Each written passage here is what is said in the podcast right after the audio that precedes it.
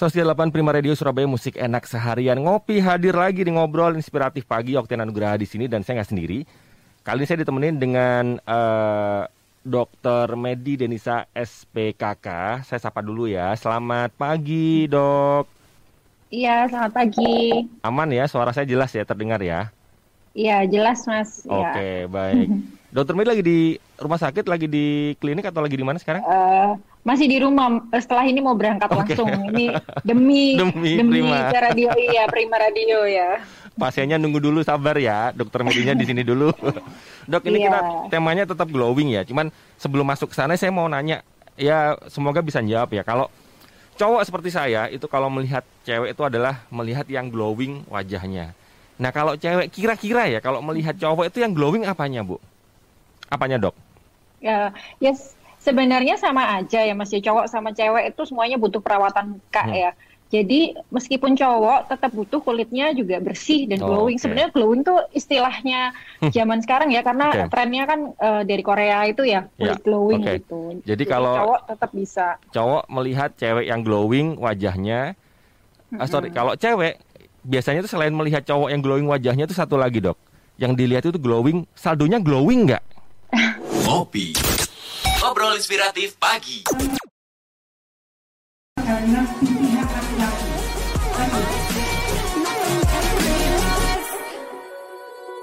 Candas dari Cheers. Jadi sahabat Prima kalau mau bertanya, apalagi ini pas nih. Sekarang itu orang pada banyak di rumah, jadi akhirnya ngapain? Kerja di rumah, semua dari rumah. Akhirnya sibuk membuat glowing wajah, kulit dan sebagainya. Dan Anda ada pertanyaan mungkin ya, pertanyaan seputar ini gimana sih cara bikin kulit tetap glowing apalagi sekarang musim berubah-berubah, kadang panas, sekarang hujan lagi, habis ini panas lagi.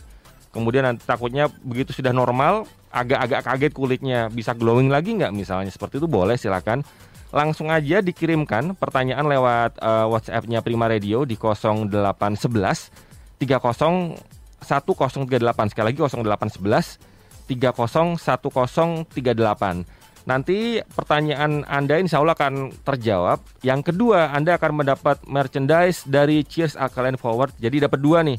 Pertanyaan terjawab, merchandise juga bisa dibawa pulang gitu. Sampai jam 10 tapi ya nggak bisa lama-lama. Dan sekali lagi saya di sini nggak sendiri ada Dokter Medi Denisa eh, SPKK spesialis uh, kulit dan kelamin. Kalau saya salah mau dibetulkan ya dok ya. Ini oke okay, dok. Iya, ini kalau kok. betul ya oke. Okay. Berarti saya masih ini apa IPA-nya masih bagus meskipun saya IPS. oke okay, dok. Uh, ini kalau sekarang ini saya lihat sekilas ya saya baca juga itu trennya apalagi sejak pandemi ini orang banyak di rumah orang akhirnya banyak produk kesehatan salah satunya produk kulit itu sangat-sangat rame ya. Nah tapi sebenarnya itu yang benar gimana sih dok kalau kulit glowing itu apakah harus memang seperti itu atau mungkin sebenarnya dokter ada ada apa ya trik khusus sebenarnya nggak harus gitu atau tutup, tetap alami atau apa mungkin dokter Medi bisa diceritakan dulu yeah. glowing itu sebenarnya seperti apa sih gitu silakan yeah, oke okay. jadi sebenarnya glowing tadi seperti istilah yang saya bilang glowing itu itu kan uh, awalnya glow ya di arti kata glow itu kan mengkilat ya. Jadi memang trennya sekarang itu dari kebanyakan orang tuh trennya kiblatnya tuh ke Korea ya, kulit skin glass atau glow ya, jadi mengkilat. Sebenarnya sih kulit yang sehat itu secara nggak langsung ya, kalau misalnya memakai krim yang rutin krim pagi, krim malam, sunscreen ya itu akan uh, menghasilkan kulit yang glowing. Jadi kulitnya secara otomatis tuh akan cerah, bersih dan glowing. Jadi kalau misalnya ditanya kulit yang bagus itu seperti apa, ya sebenarnya intinya kulit yang sehat itu yang pertama nggak ada uh, pigmen ya, nggak ada flek, nggak ada bercak putih, kemudian nggak ada jerawat gitu, ada bisul-bisul ya atau beruntus-beruntusan yang dipakai. Karena kita kan sekarang musimnya pandemi pakai hmm. masker ya, hmm. jadi sering terjadi masalah di dalam masker itu, kayak gitu. Oke, ini identik orang kita ya, ini nggak tahu ini saya aja atau semuanya. Glowing itu putih gitu. Itu sebenarnya gimana sih dok? Kalau orang kita apakah harus putih atau sebenarnya sehat tuh nggak harus seperti itu gitu. Mungkin dari ya. dokter sendiri ada ada ada Iya betul. Nah.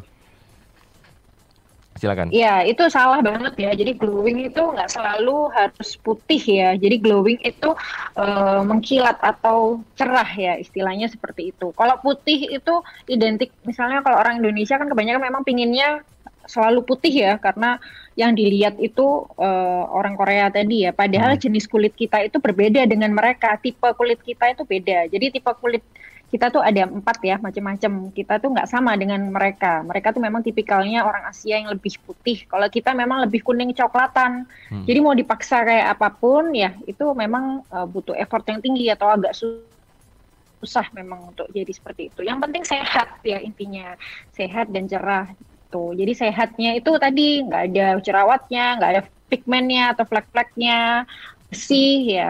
Yang intinya yang penting kita harus mengenali tipe kulit kita dulu gitu. Oke, Oke jadi langkah pertama ketika dan ini berlaku nggak hanya untuk wanita ya, cowok, pria pun juga kan apalagi sekarang iya. tuntutan yeah. tuntutan sekarang kita rapat sering online dan sebagainya mau nggak mau kan di zoom tuh kan ya kan kelihatan akhirnya mau nggak mau entah itu cowok entah cewek ya memang harus tuntutannya seperti yeah. ini gitu. Apalagi yang mungkin banyak bekerja ketemu dengan banyak klien dan sebagainya memang mau nggak mau tentunya seperti itu. Nah langkah pertama nih dok kita ketika mau oke okay, memutuskan saya pengen glowing juga ah gitu. Tapi harus ngapain langkah pertama setelah menentukan tipe kulit kita? Langkah berikutnya apa nih dok Iya betul. Jadi yang pertama memang kita harus menentukan tipe kulit kita. Menentukan tipe kulit kita ini juga nggak boleh salah. Kita harus tahu kulit kita termasuk kulit normal, kulit sensitif, kulit berminyak, atau yang kulit kering ya. Karena itu beda-beda penanannya. Nah, kalau sudah bisa menentukan kulit kita, nah itu nanti baru kita bisa melanjutkan uh, step berikutnya yaitu uh, pemilihan skincare-nya ya. Ini tergantung ada dua Mas. Jadi kalau misalnya mau ke dokter itu kan sudah bisa langsung ya ditentukan oleh dokternya. Tapi kalau misalnya ah pingin beli-beli sendiri. Nah itu harus tahu dulu tipe kulitnya. Kalau misalnya kulitnya berminyak itu gampang jerawatan kulitnya ya. Kalau misal kulit sensitif kena panas gampang merah. Kalau kulitnya kering tuh ya kering banget. Jadi dia dipegang aja udah kering sekali ya dan gampang iritasi memang biasanya. Kulit normal itu yang paling bagus. Jadi dia tidak terlalu lembab juga tidak terlalu kering. Itu yang uh, lebih aman bisa menggunakan produk apa pun sebenarnya kayak gitu. Jadi kalau dikategorikan sendiri kulit secara garis besar itu ada empat tadi ya, kering, terus terus satu mm -hmm. lagi tadi apa dok? Lupa saya. Uh, normal, ya, normal, ya kering, ya. berminyak normal, kemudian sensitif, ah, ya. Sama satu lagi sebenarnya ada lagi kombi kombinasi ya. Kombinasi oh. itu bisa ada yang area cuman T-nya aja berminyak, tapi hmm. pinggir-pinggirnya itu kering. Itu ada juga yang kayak gitu, ya. Okay. Itu harus uh, tahu dulu kulitnya seperti apa gitu. Dan pasti tiap jenis tadi perawatannya juga beda ya nanti ya dok ya? Iya, karena nanti pemilihan untuk uh, krim yang dipakai atau skincare-nya tuh beda-beda. Hmm, Contohnya, misalnya kalau kulit kering itu kalau bisa pilihannya jangan pakai bahan yang mengandung gel karena nanti kulitnya akan tambah kering. Hmm, Seperti itu. Okay. Lebih baik kulit yang kering itu pakainya jenis yang krim atau yang uh, ointment ya. Jadi itu kan di skin kan biasanya ada tulisannya hmm, ya, hmm, hmm. itu gel atau krim atau apa. Nah, itu nanti kita pinter-pinter milihnya karena kalau misal kulit kering pakai gel itu nanti akan tambah kering kayak okay. gitu. Jadi mesti tahu apa uh, pemilihan yang tepat seperti apa gitu. Okay. Itu salah satu tipsnya sih yang bisa hmm. dibantu. Oke. Okay. Ini kan pendengar kita kebanyakan di usia 30-an, 40-an nih, Dok. Nah, kira-kira kalau saran hmm. nih kalau di usia-usia seperti ini itu apalagi mungkin belum pernah terjun ke sini apalagi yang cowok nih mungkin terlalu cuek ya mungkin ya oh, udahlah gini aja saya udah dapat duit, duit banyak misalnya misalnya hmm. tapi akhirnya kepikiran juga oh ya, ya perlu juga ya. ya ternyata ya glowing itu cowok pun juga perlu minimal hmm. buat ketika ketemu klien itu orang ya. nggak ya. puas sama nggak cuma puas sama kita ngomong tapi puas dengan ketika ketemu kita misalnya nah sarannya apa nih dok buat usia 30-an 40-an apalagi buat yang awal-awal nih ya Oke, jadi kalau usia 30 sampai 40 itu yang harus diwaspadai adalah terjadinya aging atau penuaan dini. Jadi uh, umur 30 itu sudah mulai ada muncul kerutan-kerutan halus, kemudian bercak-bercak coklat kayak flek tapi yang kecil-kecil itu sudah mulai ada tanda-tanda kayak gitu. Nah, gunanya kita perawatan kulit sejak dini itu akan memperlambat munculnya itu. Jadi kalau orang yang misalnya cowok nggak pernah perawatan sama sekali ya, kemudian umur 30 dia udah muncul kerutan. Sedangkan temennya yang perawatan dari usia dini itu nggak ada uh, apa namanya kerutannya. Jadi efeknya dari perawatan sejak dini itu akan kelihatan pada saat uh, mulai umur uh, aging itu 30-an, bisa dari 25 malah ya. Jadi uh, meskipun cowok itu tetap harus ya pakai krim-krim bukan berarti cowok pakai gitu terus istilahnya kayak uh, kemayu ya kalau bahasa Jawanya. Enggak, karena itu kulit itu juga harus dijaga, terutama penggunaan sunscreen. Hmm. Itu udah hukumnya wajib ya, benar-benar wajib. Karena kalau misalnya nggak pakai sunscreen, sinar UV ini gampang sekali merusak kulit kita.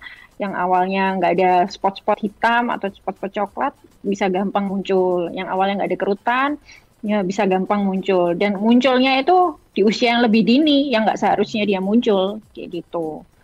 Jadi kalau misalnya pendengar uh, prima sini kan uh, umurnya 30 40. Nah, hmm. nah itu udah wajib itu penggunaan sunscreen, krim malam ya. Itu sudah harus kan bisa cegah agingnya lebih lanjut. Tuh. Okay. Ada nggak sih dok sebenarnya kalau misalnya orang terlalu cuek nih sama kulitnya, maksudnya bisa ngefek nggak ke yang lain-lain gitu, bisa ngefek nggak? Terutama cowok nih misalnya. Uh, Mm-hmm. Ya, memang bisa banget. Jadi kalau misalnya cuek banget, nggak pakai apa pun ya, nggak ada nggak perawatan apa pun, dipikirnya kulitnya sehat-sehat aja, nanti uh, gejala-gejala itu akan muncul ya. Jadi seperti gejala yang tadi saya sebutkan, kadang-kadang ada juga muncul bintil-bintil itu yang bisa mengganggu, bintil-bintil kehitaman coklat. Mm-hmm. Apalagi kalau punya turunan ya, ada turunan orang tuanya muncul bintil-bintil gitu, bisa sampai leher ya. Okay. Itu akan mengganggu sekali ya kalau misalnya dia kerja di kantor atau ketemu klien dan lain-lain gitu. Mm-hmm. Kan secara kosmetik juga nggak enak dilihat ya, apalagi misalnya uh, pekerja yang harus ketemu orang setiap hari. Nah, itu efeknya dari cuek tidak merawat uh, kulit sejak dini itu seperti itu. Paling nggak sunblock itu udah udah harus ya. Ain hukumnya ya, udah nggak bisa di ini lagi. Iya benar gitu. Oke, baik. Nanti kita akan masuk lagi sahabat prima, kita akan masuk lebih ke ini nih. Kita udah aware nih sekarang. Oh ternyata entah apa pun profesinya, apalagi yang sering ketemu klien orang baru yang orang kita kan gitu ya dok ya menilai orang dari luarnya dulu ya biasanya ya orang kita ya, mm. gitu sebelum kita ngomong presentasikan yeah, dinilai luarnya dulu. Mm. Nah, ya mau nggak mau seperti itu kita harus mengikuti. Jadi nggak cuma jago di presentasi tapi ketemu klien jualan marketingan tapi kita juga harus penampilan luar diperbaikin atau dibagusin dulu lah mungkin sudah baik dibagusin lagi nah nanti kita akan yeah. masuk lagi setelah ini sekarang gini nih masalahnya adalah kita seharian di luar pakai masker nih. Ternyata masker itu yang saya tahu ya, berpengaruh nggak bagus nih. Nah kira-kira pengaruhnya nggak bagusnya apa dan solusinya apa?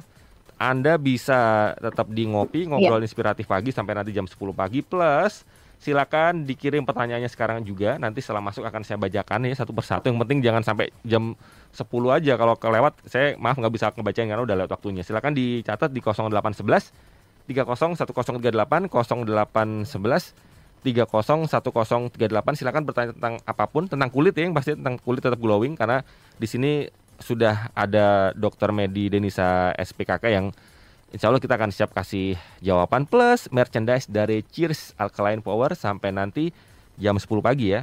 Nah dok, ini sekarang yang lagi mau nggak mau nih kita suka nggak suka kita harus terus pakai masker nih ya. Apalagi uh, bahkan ada yang orang terlalu aware mungkin ini nggak tahu saya baik atau nggak baik bahkan di rumah sekalipun dia pakai masker karena takut dari luar e, membawa sesuatu hmm. yang ketemu keluarganya dan sebagainya. Nah, padahal ya katanya itu kalau saya baca-baca sekilas itu kalau kita pengen kulitnya terjaga sehat itu harus sering terbuka istilahnya ada ventilasi lah gitu. Tapi kita seharian ketutup terus. Itu bener nggak sih dok kayak gitu dok? Maksudnya banyak banyak penyakit kulit yang muncul gara-gara maskeran seharian, terus lebih susah perawatan itu bener nggak sih kayak gitu? Iya, Oke, jadi memang sejak pandemi ini uh, keluhan karena masker ini banyak ya. Jadi penggunaan masker ini juga mm, harus benar ya. Jadi uh, muncul gejala-gejalanya itu yang paling sering adalah jerawat ya. Kenapa kok muncul jerawat? Karena penggunaan masker ini kan uh, bikin lembab ya. Jadi bikin lembab, otomatis uh, kotorannya bisa nempel di kulit kita ya. Akhirnya bisa jadi jerawat. Tergantung ya, tiap orang beda-beda. Memang saya sarankan sebaiknya kalau pakai masker 5 jam tuh udah harus ganti. Jadi nggak boleh seharian ya udah keringetan seharian hmm. pakai masker yang sama. Hmm. Nah, keluar semua komedo, jerawat. Kadang-kadang kalau kulitnya tipe kulit yang sensitif atau kering itu gampang bikin iritasi. Jadi biasanya kena pinggirannya masker ini bisa hmm. gampang uh, muncul merah-merah ya. Okay. Nah itu juga masalah yang sering terjadi. Jadi tergantung tipe kulitnya. Apalagi kalau kulitnya berminyak ya, itu yang yang paling banyak memang keluhannya adalah jerawat karena masker ya. Akne mas namanya ya. Jadi muncul karena penggunaan masker. Nah sekarang kalau misalnya memang di rumah nggak uh, tahu ya kita kan nggak tahu situasi kondisi. Misalnya di rumah memang ada yang uh, kontak atau ada pasien yang positif mungkin ya terus dia harus pakai masker iya enggak apa-apa. Asalkan itu tadi perawatan kulitnya harus benar. Jadi tiap lima jam harus ganti masker.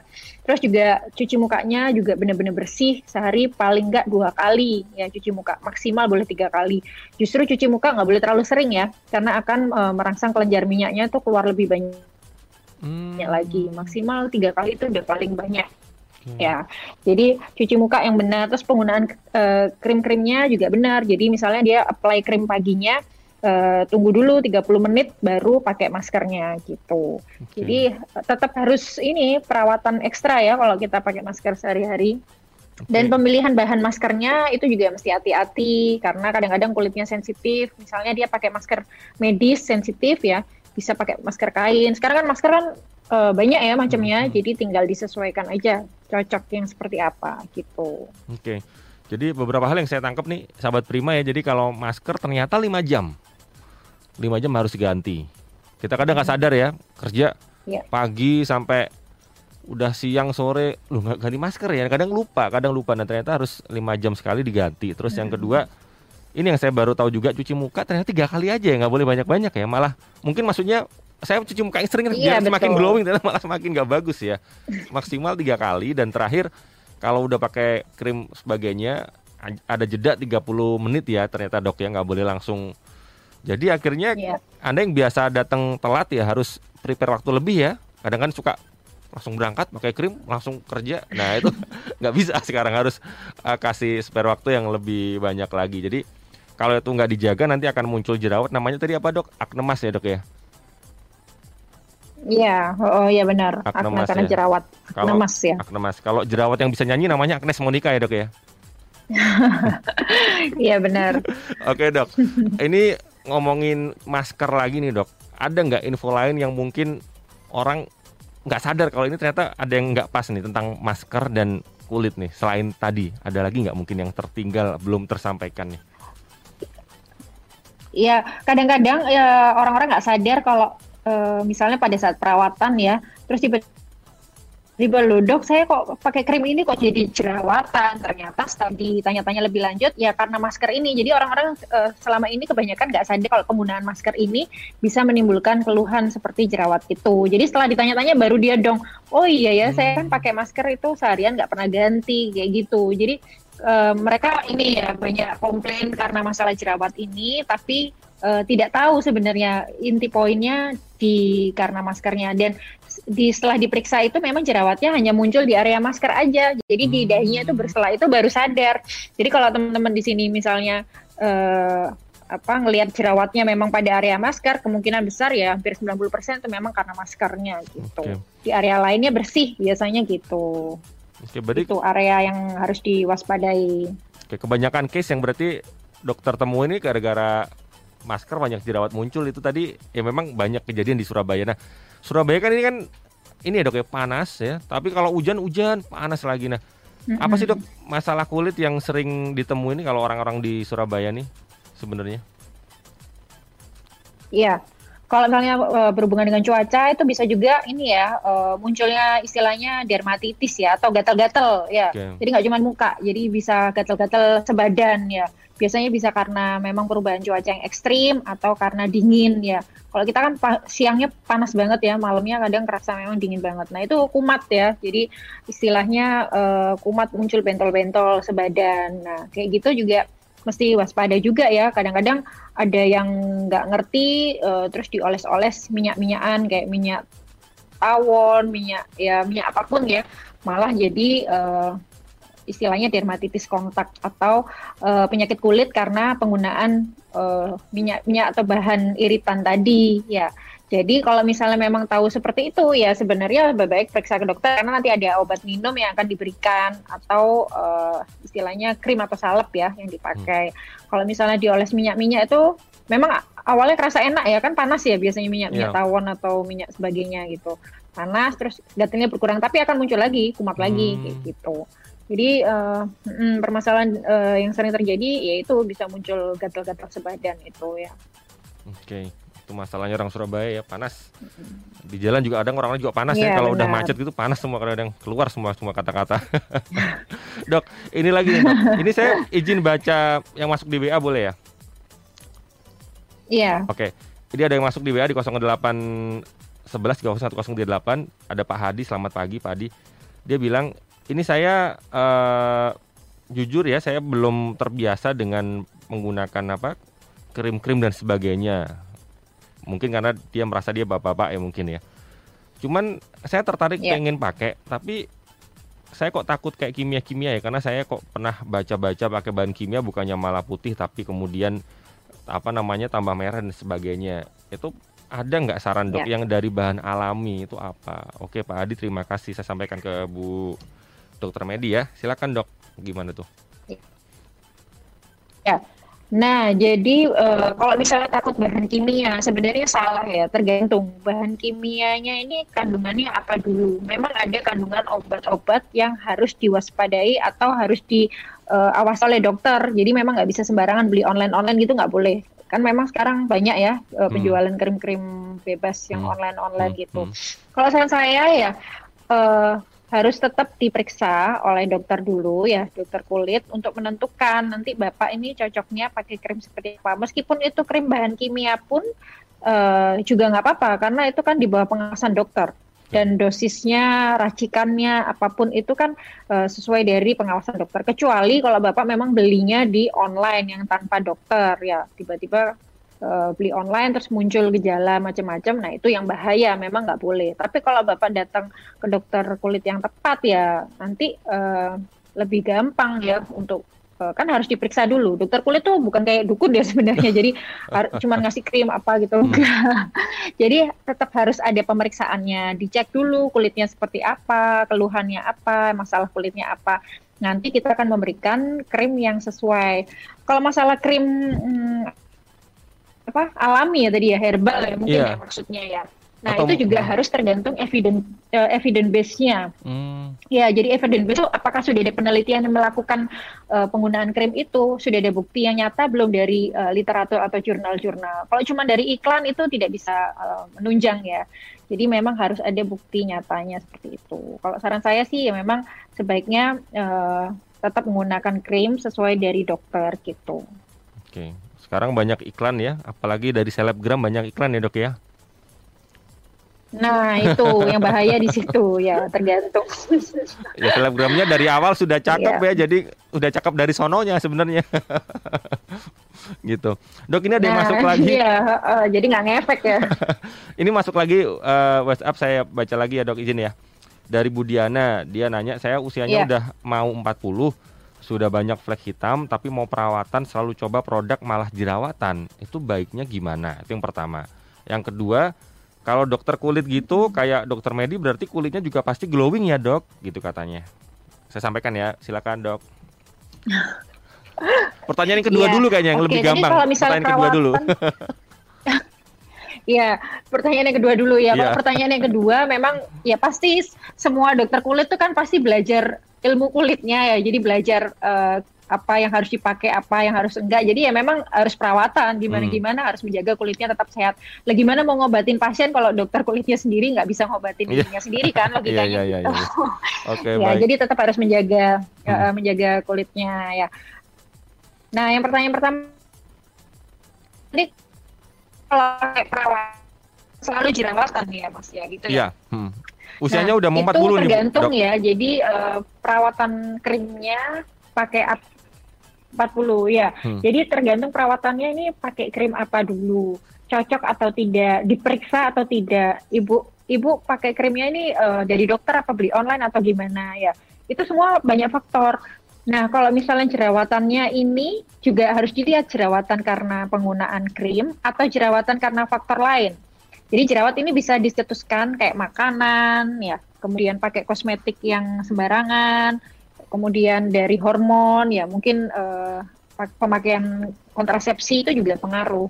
Hmm. Jadi eh, dilihat dari eh, banyak faktor dulu jerawatnya ini karena apa seperti itu. Oke, baik. Jadi harus dilihat banyak faktor dulu ya. Sekali lagi yang masih tanya-tanya masih boleh, silakan ditunggu. nanti akan dipilih penanya terbaik ya. Silakan kirim 0811 301038 0811 301038 silakan kirim pertanyaannya seputar kulit glowing dan sebagainya. Ini ada lagi dok, tapi bukan pertanyaan ya. Ini saya uh, mewakili teman. Dia itu nggak tahu ya entah terlalu putih atau terlalu apa, tapi setiap panas sedikit itu suka tiba-tiba merah gitu pipinya sampai orang-orang teman-teman bilang hmm. itu tolong blush onnya dihapus dulu blush onnya gitu saking saking panas sedikit merah panas sedikit merah itu dibiarin aja ya. atau diobatin atau gimana sih dok seharusnya kena panas sedikit ya, hawa itu panas biasanya gitu. yang pertama uh, langsung merah ya dia uh, pertama termasuk kulit sensitif jadi mungkin uh, kena suatu sesuatu nggak cuma panas biasanya kadang keringetan itu juga bisa bikin merah jadi uh, termasuk kulit yang sensitif nah kalau misalnya kulit uh, dari si pasiennya ini memang dia pakai perawatan krim-krim tertentu, ya. Nah itu harus dicek biasanya krim-krimnya itu ada yang nggak diboleh dalam eh, dipakai dalam jangka waktu lama. Mm-hmm. Jadi kalau misalnya dipakai jang, dalam jangka waktu lama itu efeknya bisa kayak gitu, jadi gampang merah. Mm-hmm. Ya. Jadi harus uh, diperiksa dulu nih, uh, kenapa ini merahnya? Merahnya sebelumnya pernah pakai krim uh, lama nggak? Kalau misalnya krimnya pakai apa? Itu nanti dokter kulit yang akan apa istilahnya mendiagnosis ya ini hmm. merahnya karena apa gitu.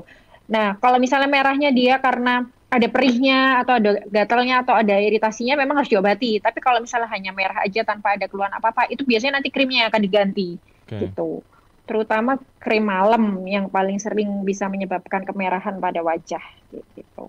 Oke, jadi tetap pakai krim tapi dicek dulu krimnya sesuai nggak sama kulit sensitifnya takutnya malah krimnya nggak sesuai malah malah makin merah ya kan? Iya ya? benar. Oke baik dok. Iya. Dok, ini kalau ngomongin tetap glowing ini lagi-lagi dok. Ini ketika uh, orang kepengen pertanyaan mungkin gini ya, saya tuh pengen singkat, cepet, apalagi habis ini Lebaran, ya meskipun nggak boleh mudik tapi kan tetap bisa ketemu orang-orang terdekat di satu kota gitu. Ada nggak sih dok cara singkat supaya saya bisa glowing dalam waktu satu bulan gitu?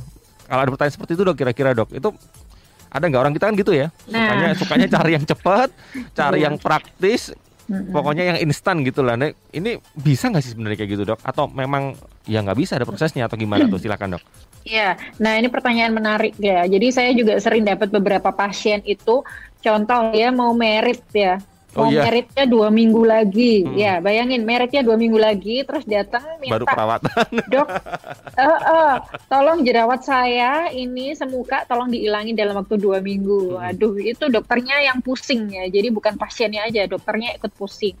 Jadi memang kalau misalnya ditanya untuk instan ya, nggak ada sebenarnya ya uh, apa perawatan yang bikin langsung instan. Cuman memang berprogres iya ya. Jadi misalnya satu bulan mau lebaran bulan depan kita mau lebaran terus hmm. pingin bulan depan kalau bisa lebih glowing ya. Itu memang bisa berprogres. Tapi kalau misalnya instan pokoknya saya harus putih kayak gini. Nah, itu yang nggak bisa. Hmm, hmm. Jadi sebaiknya memang perawatan itu jangan instan, semuanya berproses. Karena apa? Kalau misalnya instan nanti hasilnya nggak akan awet ya. Kalau misalnya berproses itu nanti bisa permanen ya hasilnya lebih lama juga jadi kalau misalnya ditanya uh, perawatan yang instan, memang banyak ya di iklan-iklan itu bisa putih dalam waktu satu bulan. Itu ya, tapi memang beneran putih satu bulan. Cuma nanti enam bulan ke depan itu baru datang ke saya dengan keluhan muncul flek ke sewajah. Nah itu yang jangan sampai terjadi. Jadi sebaiknya memang berproses dari awal ya berprogres pelan-pelan sampai mencapai hasil maksimal gitu. Oke, tetap semua ada prosesnya ya dok.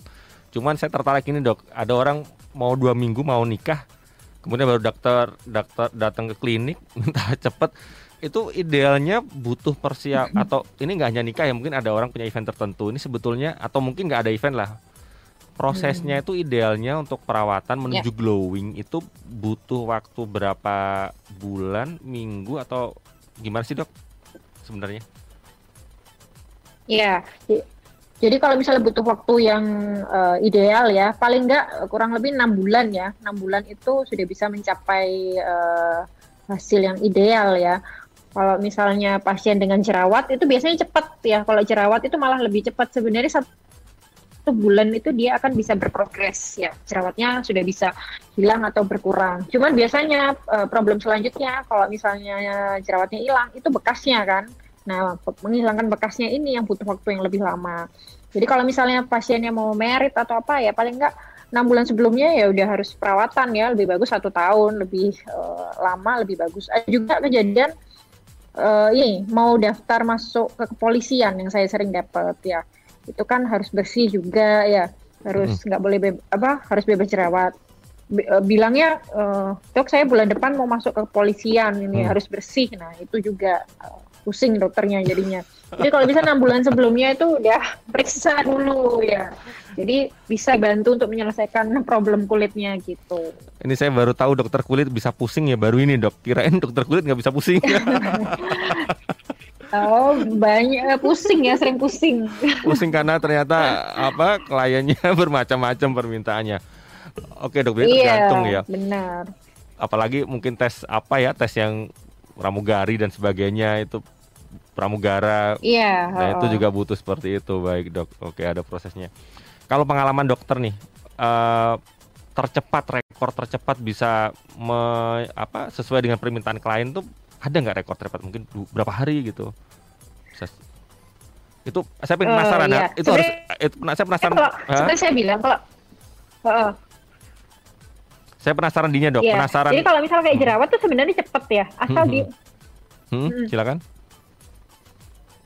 Ya, jadi apa apa namanya kalau misalnya uh, kayak jerawat itu biasanya seminggu dua minggu itu sudah bisa bersih hmm, ya hmm. asal mengikuti step-step yang dianjurkan hmm, oleh dokter hmm. itu sudah termasuk cepat sekali ya. Cuman biasanya problem berikutnya itu tadi bekas-bekasnya. Tapi kalau misalnya pingin jerawatnya aja yang bersih, dua minggu seminggu itu sebenarnya bisa uh, apa namanya cepat hilangnya gitu. Oke, okay. berarti harus ini kalau saya ambil ambil jalan tengah jadi kalau misalnya Anda nih punya event tertentu, ya kalau bisa jangan setelah apa mepet dua minggu ke bawah jangan, tapi dua minggu ke atas mungkin bisa diambil garis tarik garis benang merah seperti itu ya ya dua minggu lah biar dokter medinya nggak pusing gitu maksudnya iya, nanti. Iya, tapi Iya, tapi tetap harus dilihat problemnya ya. Apa hmm. misalnya problemnya uh, parah? Berat ya jerawatnya berat parah ya jangan dua minggu ya hmm. ya bisa lebih bagus ya memang tadi kayak tadi saya bilang enam bulan tuh udah ideal ya kalau yep. perawatan kalau mungkin jalan cuma satu dua dan di area sedikit nggak kelihatan oke dua minggu nggak apa-apa lah karena mm. gitu ya jangan sampai iya. gara-gara yeah. jerawat apa resepsinya ditunda jangan sampai ya Oke dok, uh, ini dok ya, apa namanya? Uh, tips singkat lah dok. Misalnya untuk kita-kita yang sekali lagi sekarang udah rutin mulai normal ya. Apalagi sekolah infonya udah akan masuk hmm. bulan dua bulan lagi tiga bulan lagi. Apalagi kita nanti akan keluar pakai masker terus. Ini tips singkat mulai pagi terus di tempat kerja sampai pulang sampai hmm. rumah itu apa yang kita lakukan dok? Mungkin ada tips singkat dari dokter Medi Ya, oke. Okay. Okay. Ya, jadi tips singkatnya, jadi mulai bangun pagi itu langsung uh, cuci muka ya. Jadi kalau bisa cuci muka itu double cleansing, jadi bisa pakai cleanser sama sabun cuci muka. Oke, setelah itu bisa pakai krim pelembab sama sunblock yang penting ya. Nah, harus tunggu 30 menit karena uh, penyerapan di kulit itu nggak bisa langsung ya. Jadi butuh 30 menit baru boleh keluar aktivitas. Terus siang ya kalau misalnya teman-teman di sini kerjanya sampai sore atau sampai malam, siang itu misalnya yang muslim sholat ya kan karena air, itu sunblock boleh di-apply lagi. Hmm. Karena sunblock ini hanya bertahan bisa 5 sampai 6 jam aja. Okay. Jadi kalau misalnya kerjanya sambil outdoor ya, misalnya dia harus ke lapangan, uh, sunblock bisa diulang lagi pada saat siang hari jam 12 gitu ya. Boleh diulang lagi. Kemudian setelah pulang uh, kerja ya, cuci muka lagi Terus baru pakai krim-krim malam. Jadi krim malam ini bisa pakai toner, bisa pakai serum atau bisa pakai krim malam dari dokter. Jadi seperti itu, uh, itu rutinitas yang harus dipakai. Jadi penggunaan maskernya juga. Jadi kalau bisa setiap kerja atau ke mana-mana bawa masker cadangan ya paling nggak tiga ya. atau empat gitu tiap lima jam ganti lima jam ganti seperti itu ya terus uh, juga mengurangi apa begadang itu juga pengaruh ya kadang kalau oh. jerawatan itu salah satu faktornya kurang tidur itu bisa karena hormon stresnya dia keluar. Hmm. Kalau hormon stresnya dia keluar, gampang banget muncul jerawatan ya. Makanan, makanan kayak gorengan, pedas-pedas, hmm. kacang, telur, susu itu semuanya bisa dikurangi ya. Jadi perbanyak makanan yang mengandung antioksidan kayak sayur, buah, air putih itu kalau bisa diperbanyak seperti itu. Jadi ya pola hidup sehatnya juga di apa dijalankan gitu. Jadi mendapatkan kulit yang sehat juga. Oke, ini yang penting nih. Jadi kalau pengen kulit tetap glowing, nggak cuman ngomongin perkara tentang krim, nggak cuman toner dan sebagainya, tapi tentang hidup sehat ternyata. Jadi mulai begadang tadi nggak boleh ya dok ya? Ya ter, boleh lah kalau terpaksa sekali dua kali, tapi kalau iya, nggak ada apa-apa ya nggak usah begadang. Terus yang kedua hmm. makanan tadi nih, makanan harus dijaga banget ya. Apalagi zaman hmm. sekarang itu semua orang itu banyak yang semua pun semua semua dimakan itu loh dok. Bahkan teman pun kadang dimakan ya dok ya sama orang itu kadang. itu lain ya. Nah itu bahaya itu. itu bahaya. Ada lagi nggak dok nih tips tips tips selain ini yang di luar krim ya mungkin begadang nggak bu ya jangan atau kalau terpaksa nggak apa-apa sekali sekali terus hmm. kemudian makanan ada lagi nggak dok yang mungkin kita nggak sadar kalau oh ternyata itu berpengaruh ke kulit ya ada lagi nggak dok yang mungkin yang terlewat kita belum tahu gitu? Uh, iya uh, sama kosmetik ya kalau untuk yang cewek-cewek ya hmm. karena penggunaan kosmetik uh, itu juga kadang-kadang memang kalau misalnya nggak cocok itu bisa bikin iritasi. Kemudian uh, apa namanya foundation tiap hari. Mungkin cewek-cewek kan kadang ada yang pakai foundation yang hmm. kosmetik tiap hari hmm. ya hmm. itu kadang bisa menimbulkan peruntusan Uh, nanti yang disalahin dokternya dok saya pakai krim ini kok jadi beruntusan ternyata setelah ditanya lebih lanjut hmm. penggunaan kosmetiknya berlebihan nah, hmm. dan pembersihannya kurang jadi cuma cuci muka satu hari nah hal-hal kayak gitu yang harus dihindari jadi penggunaan kosmetik kalau bisa dipilih sesuai jenis kulitnya masing-masing yang cocok gitu. Hmm, dan saya jadi tahu ini salah satu hal yang bikin dokter medi pusing mungkin ya. Ini tadi contohnya satu ya. Iya benar. Baik, dok ini lagi-lagi ya ngopi itu ngobrol inspiratif pagi itu masalahnya cuma satu dok.